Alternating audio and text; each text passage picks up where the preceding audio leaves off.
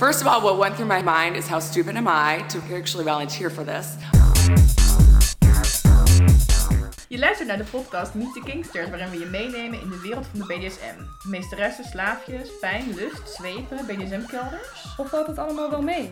In deze podcast praten wij met de echte Kingsters. Meet the Kingsters!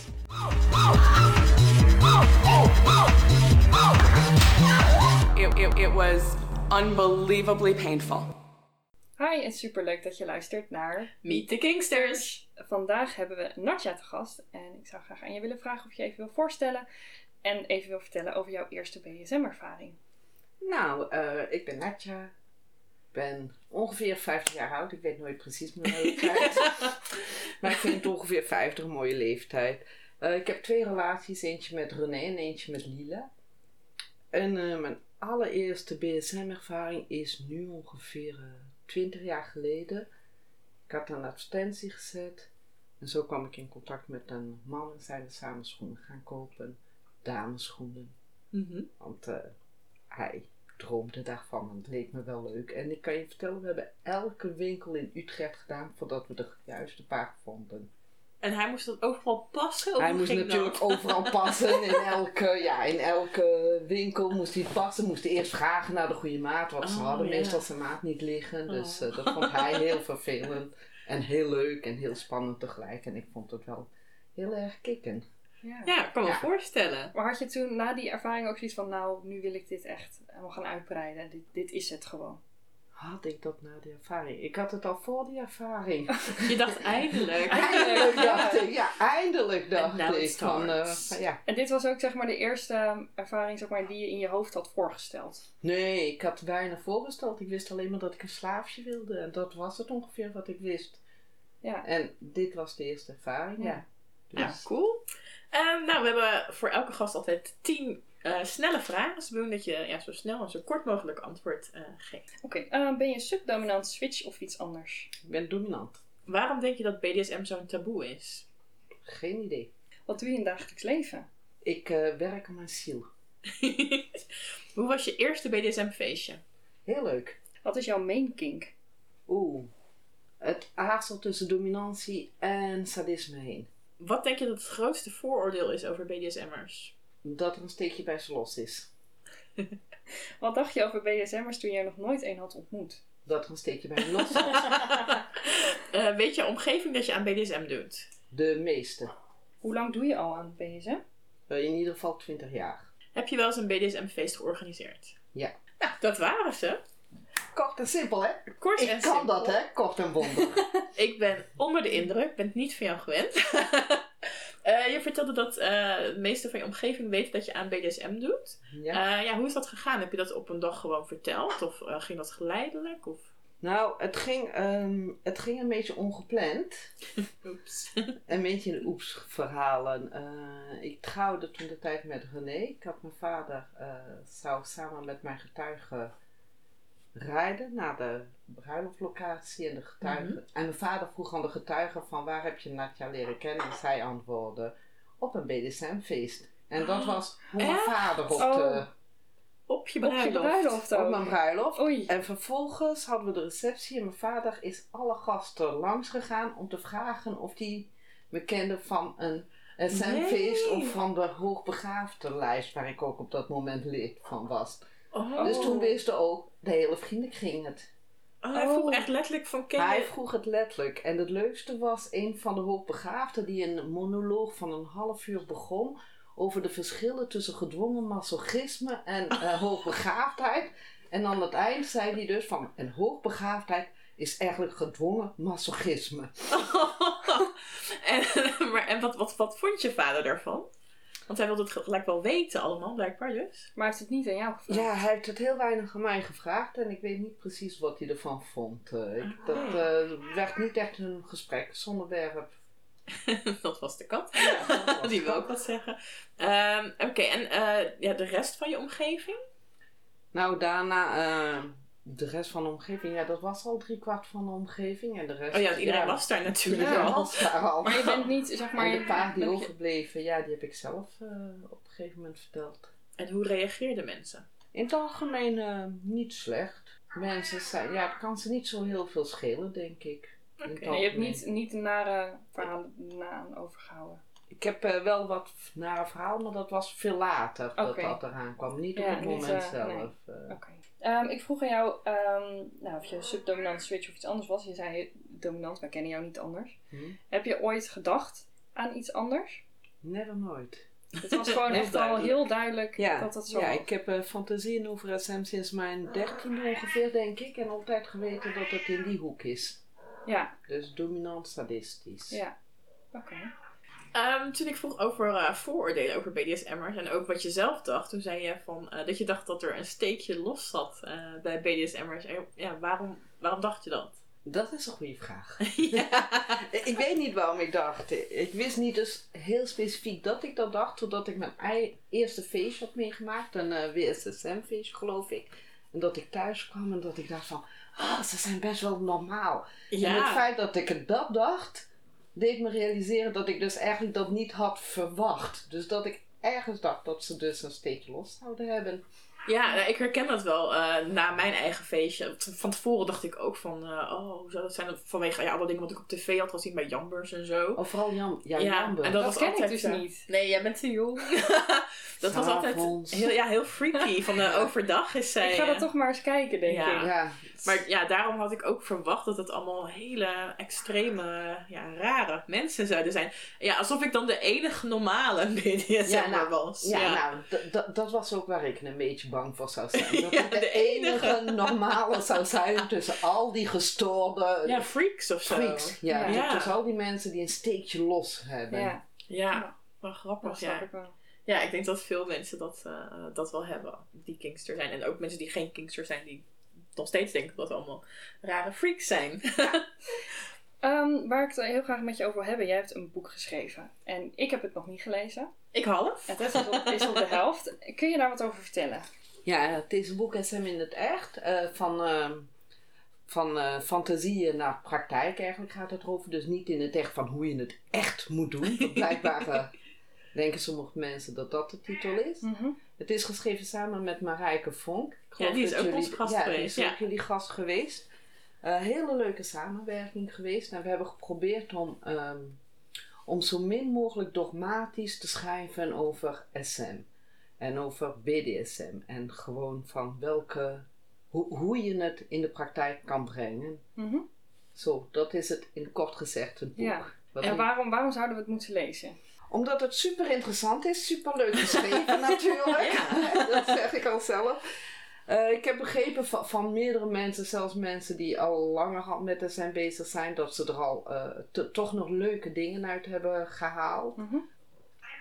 Ja, ik vind dat best wel genoeg redenen. Misschien kan Tess ook meer vertellen wat zij er leuk aan vond. Eh, eh. nou, ja, ik heb hem nog niet uit, maar wat ik er ook heel leuk aan vind, is dat er ook echt meerdere mensen aan het woord komen. Eh, dus het is niet alleen maar ja, wat jij en Marijke zeggen, van nou ja, dit kan of dat kan, maar ook echt persoonlijke verhalen van ja, kleine stukjes van mensen die dan vertellen hoe dat bij hun gaat. En ik vond dat het daarom een heel leuk beeld geeft hoe anders BDSM voor iedereen is, want BDSM Ja. is heel breed hoe natuurlijk. breed en hoe divers Ja. het is. Ja. Dat was ook echt iets waar we hebben op ingezet. Van, Ja. eh, dus niet alleen maar van ja, vanuit onze eigen ervaring puttend, maar gewoon van de ervaring van allemaal mensen om ons heen puttend. Ja. En je wilde graag een, een realistisch beeld neerzetten over. Ja, een realistisch beeld, ook gewoon een normaal beeld. Ik weet nog een van de stukjes waar ik heel leuk vind, is dat iemand zijn. eh, ja, iemand doet een verkeerde beweging, doet pijn aan de sub, maar niet expres. Ja. Omdat hij zijn excuses aanbiedt, hè, totdat hij weet dat het weer goed is en dan wel uithaalt expres. En dan is het weer een andere dynamiek. Ja, Ja, dat is denk ik eh, voor iedereen die, die wel eens eh, een BDSM-spel heeft gedaan, wel heel herkenbaar. Want Ja. iemand is je aan het slaan, maar dan slaat hij mis en oh sorry, gaat het? Ja, weet je, mijn hele billen staat al blauw, maar deze was inderdaad net een beetje te hoog. net de Nou, verkeerde plek. Ja. Net de verkeerde plek. Nou, Ja. dat Ja, inderdaad. heel eh, grappig dat we en, dat eh, hebben geprobeerd. Ja. En ehm, ja, voor wie hebben jullie het boek geschreven? Is het echt voor kinksters of juist voor Nou, we hebben het geschreven voor, voor twee soorten publieken eh, voor ogen. De beginnende BDSM, degene die dus eigenlijk nauwelijks tot geen ervaring heeft. Ja. En eh, zijn omgeving, of haar omgeving. Oké, eh. ja. Dus voor die twee mensen hebben we het geschreven voor ogen. Dus je zou het ook bijvoorbeeld, eh, het zou ook een boek kunnen zijn als je aan je omgeving wil vertellen dat je aan BDSM doet, dat je zegt van lees dit. Ja, van, van een beetje om die omgeving een beetje gerust te stellen. Ja. Van, hè, en dat Ja. hij toch wel een beetje weet waar je mee bezighoudt. Het hoeft niet meteen de meest, ja, de meest extreme dingen zitten erin. Het is ook niet dat we dat compleet verzwijgen, maar daar gaan we niet heel uitgebreid op in. Ja. En, ehm, en dat hij ook een beetje begrijpt dat SM'ers niet gek zijn de- om weer op de eerste vraag Ja. terecht te komen. Hè. Daar, daar hebben we ook een eh, deel van het boek aan besteed. Dat Ja, ik denk dat dat wel heel belangrijk is. steekjes los zit bij Ja. die SM'ers. Ja, daar hebben we het met Marijke in haar aflevering ook uitgebreid over gehad. Omdat er gewoon nog zoveel vooroordelen zijn.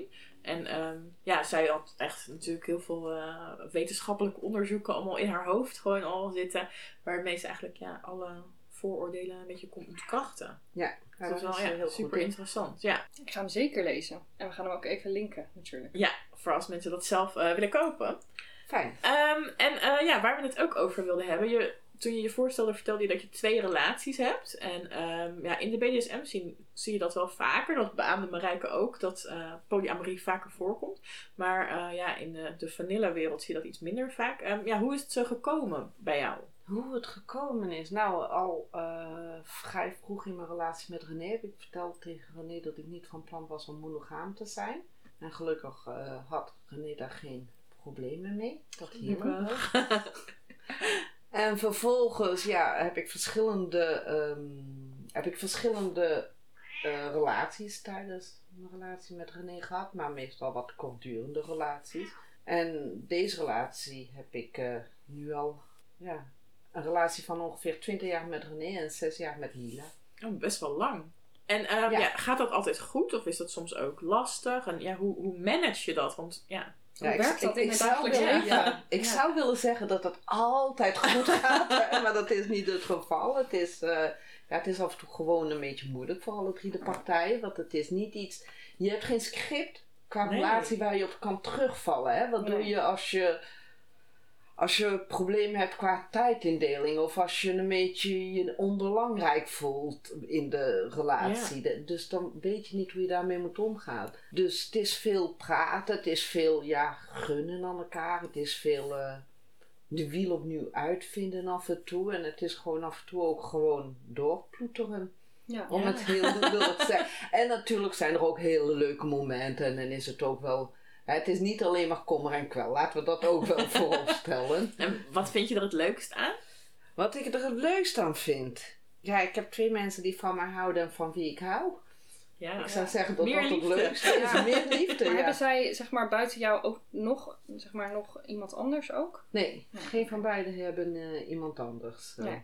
En is dat, eh, willen ze dat niet? Of, of wil jij dat niet? Of is het gewoon toevallig niet zo? Mhm, dat is een gewetensvraag, hè? Ik zou zeggen van, ik sta er in ieder geval niet op te springen, maar in theorie heeft René wel die vrijheid, in de praktijk waarschijnlijk wat minder. En Lila heeft die vrijheid op dit moment niet. Oké. Want zij zijn ook allebei jouw subs. Ze zijn ook allebei mijn subs, ja. Oké. Ehm, ja, en ik ben ook heel benieuwd, eh, ja, in jouw dagelijks leven, eh, hoe, hoe merk je dan eigenlijk dat jullie een BDSM-relatie hebben? Waar, waar, hoe zouden mensen dat kunnen zien? Of zien ze dat juist helemaal niet? Ja, ik denk dat weinig mensen direct zien. Eh, er zijn wel kleine dingetjes. Lila vraagt altijd toestemming bijvoorbeeld voordat ze naar het toilet gaat. René zal altijd me met u aanspreken. Dat zijn dingen die je wel eh, zou kunnen zien en tegelijk kan dat ook heel discreet gebeuren. Hè? U aanspreken kan we, kunnen we zeggen van ah, dat komt omdat hij een Brabander is. eh. Oh ja. Oh ja. du- dus dus Ja, dat want- hoef je want niet dat is echt met gewoon, dat is er altijd. Dus ook op verjaardagen van familie. Ja. En er zijn, Ja, het is er ook- altijd. oké, Er ja. zijn geen uitzonderingen Nee, op. oké. eh.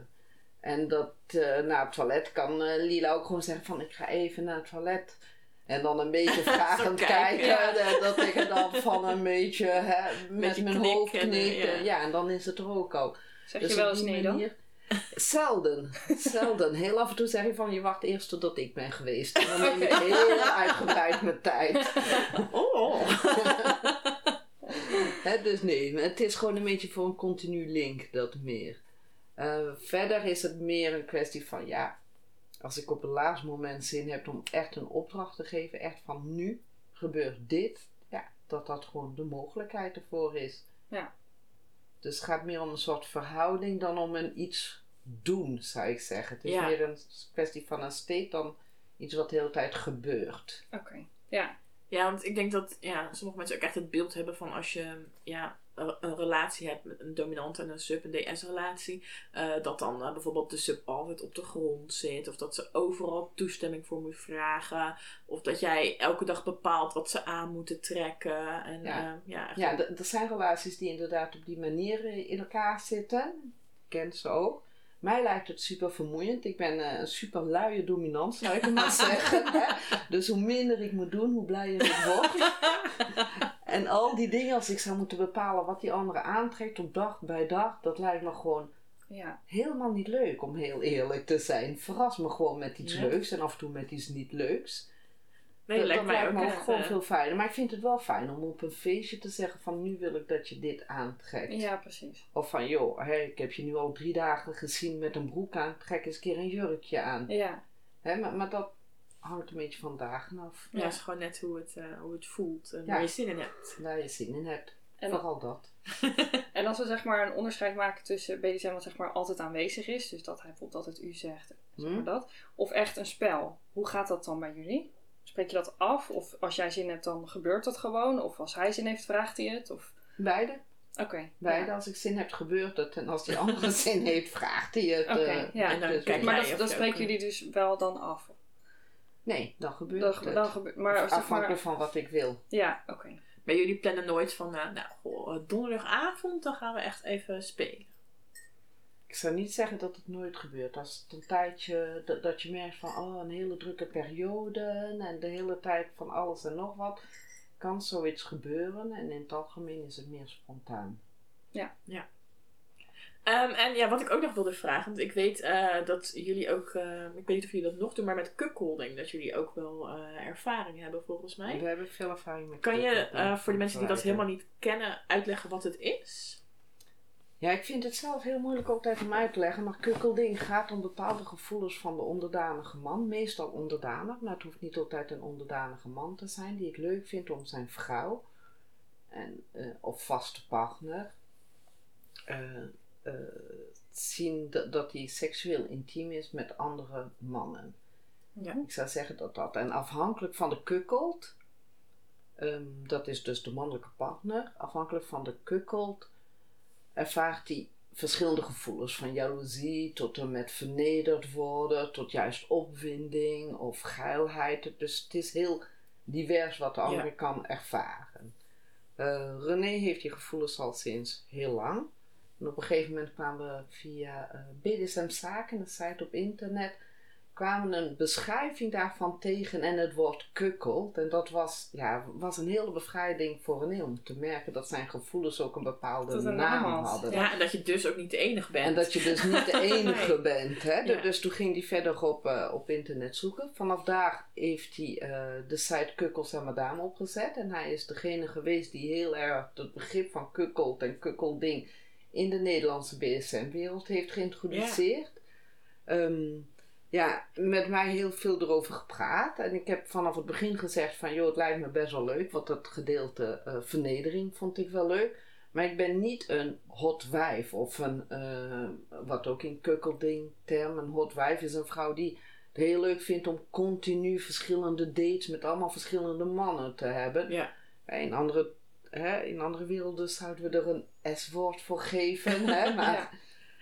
Nou, ik zei van joh, maar als ik iemand leuk vind en er verliefd op zou worden, nou, dan lijkt het me wel heel leuk. En daar had René weer heel veel moeite. Want ja, het fysieke Oh, gedeelte ja, wel leuk, maar dat er ook nog een emotionele gedeelte al zou kunnen zitten, was voor hem wel wat moeilijker. Maar we zijn er zo uitgekomen en zo hebben we wel meerdere eh, leuke dingen samen beleefd eh, Mhm. met z'n tweeën. eh, en een derde erbij, want Ja. die heb je er dan ook nog. Ja. Ja, eh, ik denk dat het ja, best wel gecompliceerd, gecompliceerd ja, is een fetish, kan je dat zo noemen? Of Ja, voorkeur? ik denk wel dat dat voor een in ieder geval een fetish is. Voor anderen zou het een voorkeur kunnen zijn en voor Ja. anderen weer een kink. Hè, Ja. Het is weer heel afhankelijk. Maar voor een is het wel een heel onderdeel, denk ik, van zijn kern eh, seksuele beleving. Ja. Ja. Vandaar dat ik het een fetish zou noemen. Maar ja, het lijkt me best wel eh, gecompliceerd. Omdat, eh, ja, net, net wat je zegt, van het is heel leuk zolang het dat lichamelijke is. Dan is het heel spannend. Maar als er dan meer gevoelens bij komen. Ja, weet je, een bepaalde mate van jaloezie is natuurlijk dan nog spannend en opwindend. Maar op een gegeven moment ja, slaat dat denk ik dan om naar van oké, maar nu ehm, vind ik het niet meer leuk. Dat lijkt me best lastig. Ja, ja, ja, ja. En dan heeft René gewoon pech als dat zou gebeuren. Be careful what you wish for. Ja, ja, dat inderdaad heel erg. Van ja, de, de andere is geen instrument. Ja, Hè, de- we Nee. hebben het over echte mensen. En die Ja. zijn geen instrument. En René weet dat ik op die manier erin sta. Ja. ja. En hoe, hoe ga je daar dan mee om als hij dan echt nou ja, daar heel zich naar over voelt? Nee, niet hoe ga ik ermee om. Hoe gaat hij Oh. ermee om? Hè, hoe gaat hij erom? En dan moet hij maar met zijn, voor zijn eigen gevoelens zorgen. Hij weet dat dat de mogelijkheid is. En dan moet hij daarvoor mee dealen. Ja. Nou, hij is verantwoordelijk voor die gevoelens, niet ik. Nee. En eh, is het voor hem dan nu ook eh, juist wel of niet fijn dat jij dan met Lila ook een relatie hebt? Omdat, ja, zij is natuurlijk een vrouw. En ik weet niet of in zijn, in zijn fantasie dat het liever een man misschien was. Of... Het was, eh, Ja. hij, hij krijgt alleen maar kuppeldingsgevoelens bij mannen. Dus wat Oké, dat dus betreft is- is het een grote faal voor zijn gevoelens. Dus dit, dit is voor hem, valt helemaal niet onder dat labeltje Nee, dat valt er helemaal niet onder. Nee, nee dat vindt hij Oh. dus heel moeilijk. Oh, jammer. oh. ja, maar dat is dan toch jammer. Anders had je dat echt gelijk mooi meegepakt. Ja.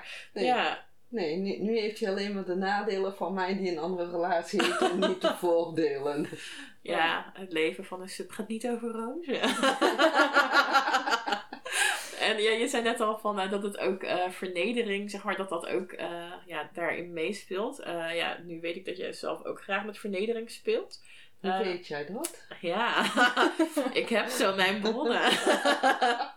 Eh, ja, hoe is dat voor jou? Want eh, ja, ik, ik speel natuurlijk ook met vernedering, dus ik weet hoe dat eh, als ontvangende partij voelt. Maar ja, voel je je wel eens gemeen, bijvoorbeeld, als je iemand vernedert? Of schuldig. Absoluut niet. Absoluut niet.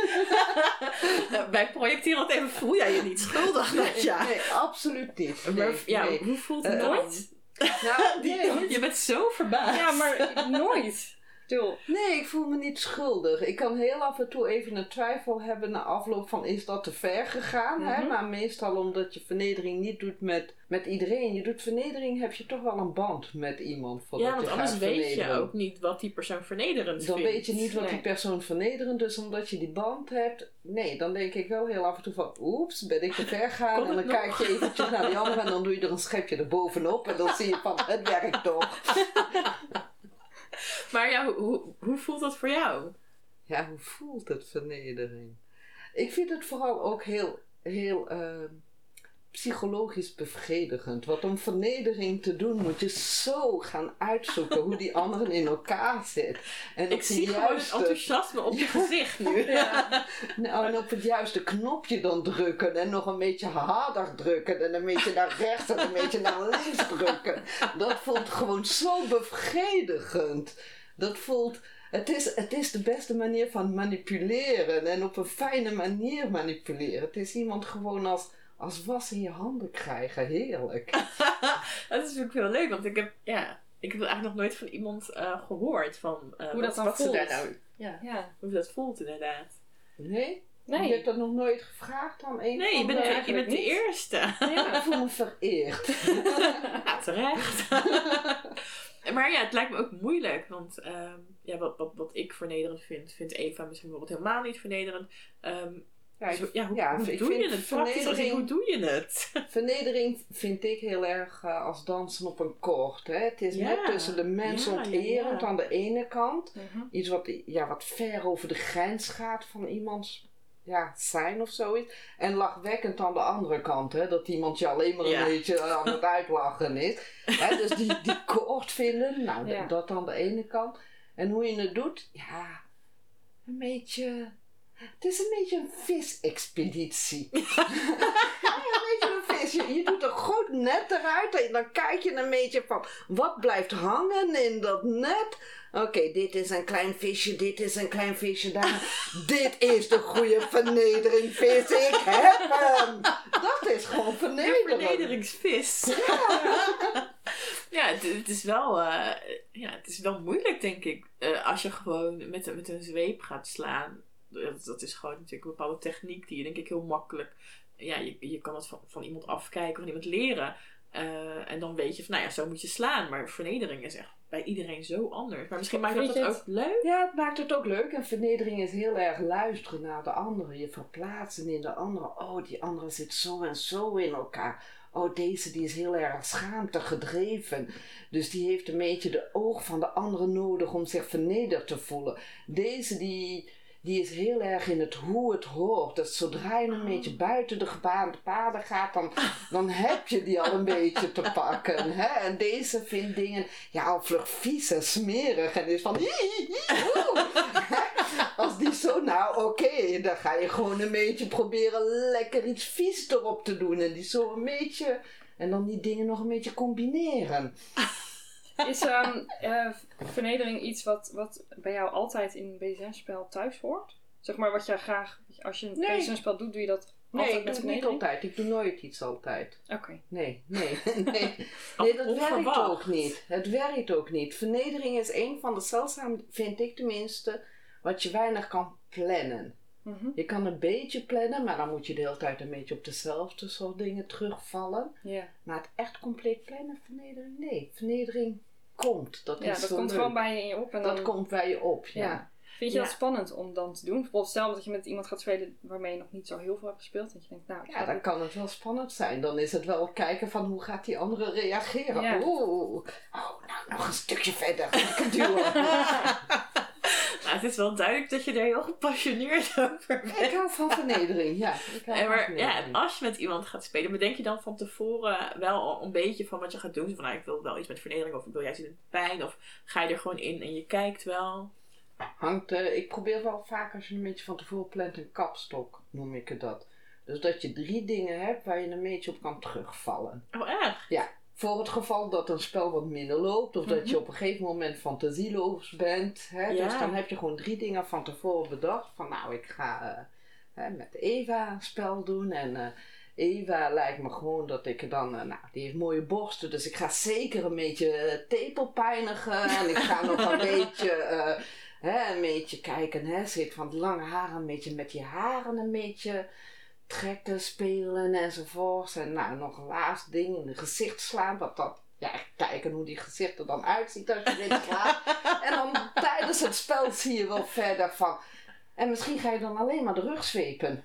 Ja. Dus je hebt die drie dingen Dat- bedacht. Als een soort Ja. backup heb Als je een soort het. backup Als dat ene plan. niet lukt, Ja. dan... Ja, een soort backup plan. Dat vind Ja. ik dus wel fijn voor mezelf. Ja, en ik kan me voorstellen, ja, want eh, we hadden in de andere aflevering hadden we met Belle Verder erover. En die, eh, eh, ja, die doet soms echt hele ja, scenario's, zou ik het bijna noemen. Ja, hele boekwerk Ja, eigenlijk. eh, Ja. eh, niet altijd hoor, maar in sommige gevallen. En vond ik echt heel interessant om te horen van ja, hoe, hoe je dat, dan plant. ja, hoe dat ontstaat. Terwijl ik weet van andere dominanten die hebben zoiets van nou, ik doe mijn tas open en ik kijk wel. Ja, dat kan ook. Ja, bij iedereen is dat echt anders. Ja, maar ik vind het gewoon ook in mijn tas om gewoon in van de dingen, gewoon van ik ga iets met de cane doen, vind ik gewoon fijn. En misschien gebruik je die cane helemaal niet. Als het een van tevoren bedacht eh, spel is, wat, wat af en toe ontstaat, een spel ook uit het niks, Ja, vind ik het fijn om zo een, eh, ja, om een paar dingen in mijn hoofd te hebben. Ja. ja, ik kan me voorstellen, ja. En is vooral ook ontstaan toen ik net begon met domineren, waar ik Oh, toen ja. helemaal geen idee had van wat ik zou moeten doen. Toen ben ik dat een beetje begonnen Dat is wel eh, echt een doen. best wel een goede tip eigenlijk ook. Hè? Als je net, Ja. net begint om een beetje vooraf toch een beetje, Ja. beetje na te denken over wat je dan zou willen doen. Ja, Ja, je moet niet een, ja, ik zou niet zeggen een heel spel, Nee, maar, niet maar heel als je spel een heel bedenken, scenario, ja. hè, maar, maar als je een paar dingen waar je op kan bedenkt, teruggrijpen, hè, dat ja geeft net een beetje. dan heb je toch Een nog beetje genoeg meer ruimte om... eh, misschien ook. ja, ja. nou dat, Ja. dat was het in het begin Ja. vooral. Ja, en eh, ja, als je natuurlijk beginnend bent en je wilt tips, dan moet je natuurlijk jouw boek lezen. Zeker Ja. weten. Ja, nee, maar, dat- ja, nee, maar dat is wel zo. Want ik weet nog toen ik net begon, en eh, ja, ik was dan gelijk al de sub, maar eh, dat je gewoon ook niet zo een heel goed beeld hebt van wat er allemaal kan. En je hebt wel je eigen fantasieën, maar ja, op een gegeven moment ehm, ja, is dat ook wel een beetje een soort van op of zo. En dan is het wel echt een hele leuke inspiratie als je ja, ook van anderen kan lezen. Van, eh, goh, wat, wat doen jullie? En dat vond ik zelfs op Facebook ook heel leuk dat je dat kan zien van anderen. wat ze doen. En, En verslagen lezen. Ja. Dat, dat heb ik ook enorm veel geleerd van verslagen van anderen. Dat je echt denkt van, oh, wat? kan dit ook? Ja, vet, ga ik ook doen. Leuk! Ja, maar Ja. ja. dus, ja, dat vind ik wel het leuke van de BDSM-scene. Dat je allemaal ja, elkaar kan inspireren. En eh, ja, een beetje dingetjes ervan pakken wat je leuk vindt. En, ja, Ja, het is een dat vind ik leuk. Maar dan op, die manier, ja. Ja, maar dat, dat vind, vind ik ook al als je op een feestje bent en bijvoorbeeld een keer speelt met iemand anders. Dan kan je ook al heel veel daarvan leren of zo. Dat je denkt, hé, Ja, maar... al is het van, dit vind ik niet leuk. Ja, nou, bijvoorbeeld. Ja, Of in ieder geval niet leuk met die persoon. Ja. nee, dat kan. Ja, dat kan. Dat je Ja. bij de ene voorkeur hebt dat dat heel fijn is. Maar Ja, per persoon verschilt dat het ook persoon verschillend is. Ja. Ja. Ehm, als afsluiting willen we eigenlijk altijd van onze gast horen een eh, BDSM-blunder of een grappige BDSM-situatie. Want we weten dat BDSM, nou ja, op tv li- lijkt het altijd ja, fantastisch en perfect, maar dat, in het echte leven is dat niet zo. Ja, Over het mijn, algemeen. eh, ja, nee, nee, nee. Nee, mijn, eerste BSN-blunder. Ik zou denken dat mijn meest, meeste blunder, nee, mijn grootste blunder moeten we dus zeggen, was vrij in het begin. Ik deed dan BSM nog niet zo heel lang met René. En ik zat René een beetje te bijten op zijn vinger. En ik zat hem te bijten op zijn vinger. En ik had altijd geleerd van je stopt pas als die andere zijn stopwoord zegt. En René zei van ja, hou op, hou op. Dus ik dacht van ach, hij probeert een beetje een powerplay met me te doen. Dus ik ga alleen maar nog wat harder bijten op zijn vinger. En hij, hou nou echt op, hou nou echt op. En ik van ha ha ha ha, je hebt me niet te pakken. Dus ik bijt alleen maar harder. Wat bleek na afloop? René was gewoon black-out. Zijn stopwoord compleet vergeten. Oh, nee. Maar echt Oh. compleet vergeten. Oh. Dus ik zat alleen maar harder en harder te bijten. En hij wist zijn stopwoord niet. En zijn stopwoord was, in die tijd, hou je vast, stop. Oh, ja, dat is... Heel ingewikkeld. Dus toen heb ik René gezegd van, joh, als jij zoveel moeite hebt om zo'n stopwoord te onthouden, is vanaf nu je stopwoord anticonstitutionele man.